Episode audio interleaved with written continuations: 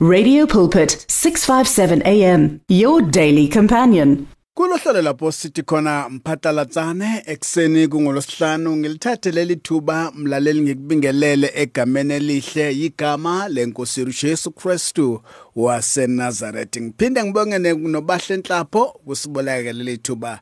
Bahle uqhubeke nokwenza umsebenzi omuhle. uNkulunkulu akubusise. Mlaleli sisaqhubeka ke nendaba yethu lapho sibonisana khona ngokubaluleka kweimpilo zethu nangendlela uNkulunkulu abheke ngayo impilo zethu. Sibonile iviki endlule besikhuluma ke ngenhliziyo yesithunywa noma the heart of his messenger inhliziyo yesithunywa sikaNkulunkulu. Ke ngachaza mlaleli ukuthi uma ususindisiwe usuthethelelwe izono ufunda izwi likaNkulunkulu ungumKristu ungumzalwane uzelwe kabusha uyisisebenzi noma uyisikhonzi noma uyisithunywa sikaNkulunkulu ngenxa yokuthi ke inkambo yakho nayo ibalulekile mlaleli ekushumayeleni ivangeli. Ngokuba abantu abasabhekile lokho okushoyo wena kepha babheke izenzo zakho. Ngakho ke namhlanje ake sibuke ikhono lesithunywa sikaNkuluNkulu the credibility of his messenger mlaleli namhlanje. Siyakhumbula ke mlaleli ukuthi uma ungathatha icup elingcolile ngaphandle kepha phakathi wathela cold drink noma wathela ijuice noma wathela into yokuphuzwa abantu bazobheka leli cup elingcolile ngaphandle. Nawe futhi kuyoba nzima ukuthi uphuze lokhu kungaphakathi ngenxa ukuthi ke icup ngaphandle lingcolile. Kubalulekile ke mlaleli ukuthi necup nalo lihlanzeke nangaphakathi futhi lihlanzeke. Ngichaza ukuthi mlaleli ngokuba thina asikwazi ukubona ekujuleni kwenhliziyo yakho. Ungasho ngomlomo ukuthi uthethelelwe izono ungumntwana kaNkuluNkulu. Okuphuma endebeni zomlomo wakho. Kepha inkambo yakho ukukhuluma kwakho ukwenza kwakho uma kungahambisani nalokho okushoyo kusho khona ke mlaleli ukuthi ke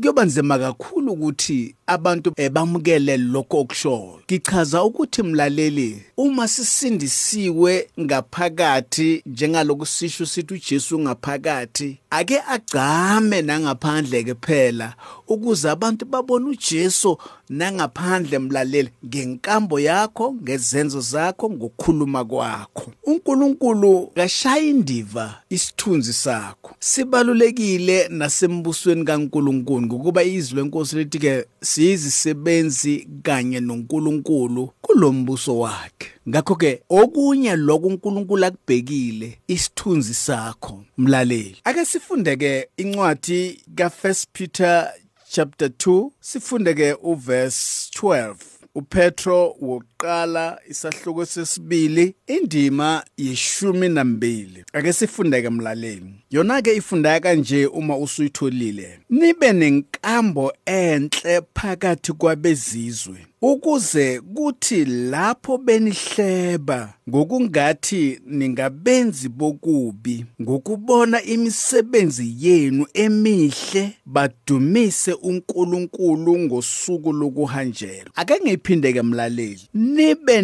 nenkambo enhle phakathi kwabezizwe. Abezizwe yilabo abangazani noNkulunkulu yilabo mlaleli abahlakaniphe ngokwezwe yilabo mlaleli abafuna ukugcama ngokuhlakanipha kwezwe kepha bengenandaba nokuhlakanipha abakuthola ezweni likaNkuluNkulu. Ngokuba izwi lenkosi lithi lokho kuwubuwula kithina abantu. uNkulunkulu uyakusebenzisa mlaleli. Kube amandla. Ngakho ke abantu abaningi abakholelwa ekutheni ungaphila mlaleli ukukhonza uNkulunkulu ungaye entweni ezithize oyokuzikhonza noma yokuzikhothamela kungako abanye ke mlaleli sebayaxuba ngenxa yokuthi bengakholelwa ekutheni uNkulunkulu yedwa angamgcina umuntu. Kungako uzwe sebethi uNkulunkulu nabo uze bethi ke abo noNkulunkulu. Usiyabona ukuthi ke lo muntu udidekile.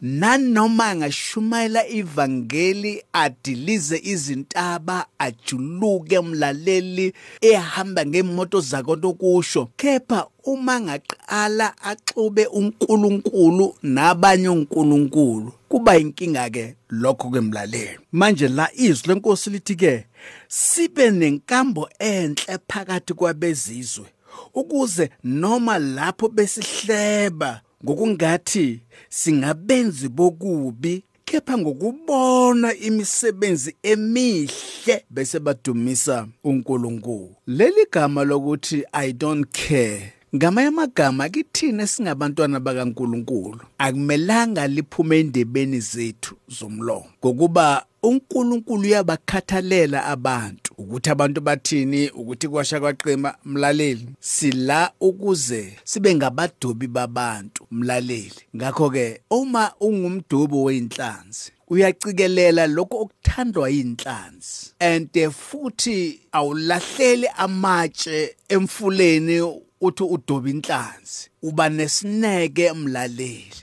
Ngakho ke nathi singabantwana bakaNkuluNkulu sithethelelo izono sihlengiwe ngomusa kaNkuluNkulu nangegazi likaJesu. Siphila ngezwi lakhe. Kubalulekile ukuthi ke nesineke sibe khona mlaleli. Ekakhulukazi kuma families ethu komakhelwane bethu ehlobeni zethu umlaleli isineke siyadinga. Bakwazi ungumuntu onolaka. Bakwazi ungumuntu oncishanayo bakwazi umuntu umlalelo onganandaba nomunye umuntu ongancedi abanye abantu. Kepha ke njengaloko sowamukele ivangeli ake kushintshe konke lokho mlaleli.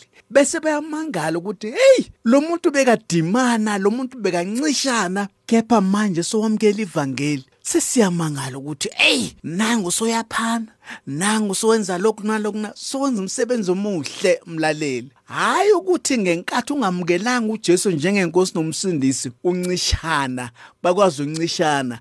Namanje futhi usosindisiwe wamukela uJesu basakwazi uncishana odimana hayi ke mlaleli bazofunda kanjani ukuthi umuntu uyashintsha? La izwi lenkosi lithi ke nibe nenkambo enhle ngamagama sibe nenkambo enhle phakathi kwabo ukuze uma besihleba ngokungathi senza imisebenzi emibi kepha ngokubona imisebenzi emihle bedumisa uNkulunkulu ngosuku lokuhanjelwa. Mlaleli ngenkathi ungasindiswanga bebekwazi unenkani yeselesele kepha namanje uphethe iBhayibheli usindisiwe uthethelelwe izolo inkani la isesekhona.